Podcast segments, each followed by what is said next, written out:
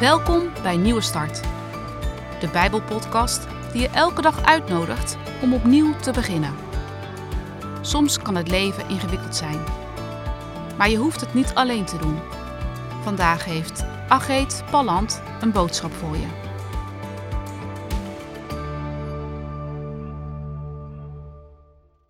Ik ben de oudste van twee zussen. Mijn zusje is een jaar jonger dan ik en broers hebben we niet. En zoals dat gaat tussen twee zussen, waren we vroeger altijd aan het vergelijken. Kregen we allebei wel evenveel snoepjes?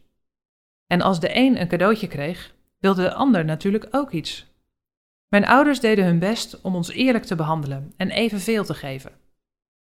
We lezen vandaag ook over twee zussen die nogal jaloers op elkaar waren. De ene heette Lea en de ander heette Rachel, en beide waren ze getrouwd met Jacob. Jacob was van huis weggevlucht en bij zijn oom Laban terechtgekomen. Daar ontmoette hij als eerste de knappe Rachel, de dochter van Laban, en hij werd op slag verliefd. Hij bleef bij Laban en moest zeven jaar werken voor hij met Rachel mocht trouwen. Op de dag van de bruiloft werd hij bedrogen.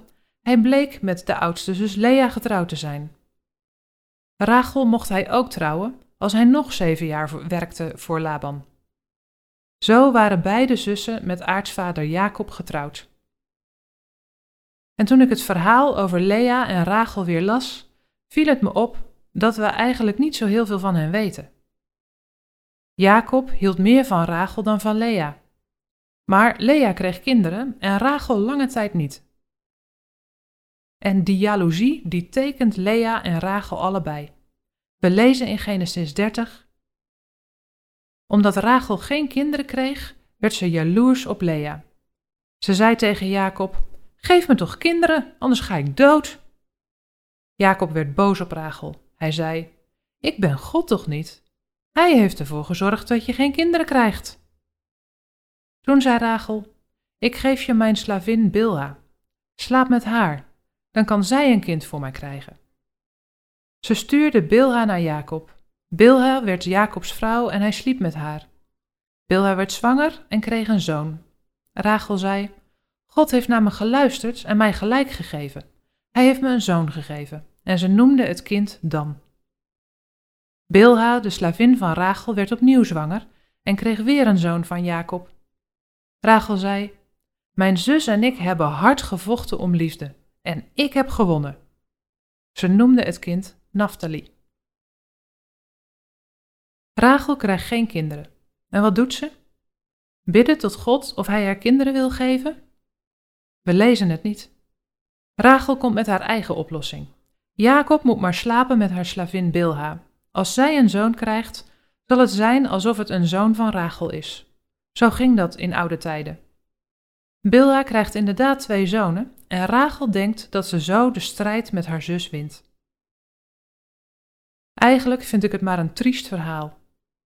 De knappe Rachel wordt getekend door jaloezie. Haar hele leven lijkt te draaien om de competitie met haar zus. Ze wordt er compleet door in beslag genomen. Ik zie daarom dit verhaal ook vooral als een waarschuwing.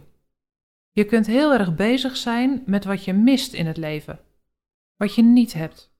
En dat wordt dan je focus, de bril waardoor je naar de wereld kijkt. Je bent maar met één ding bezig.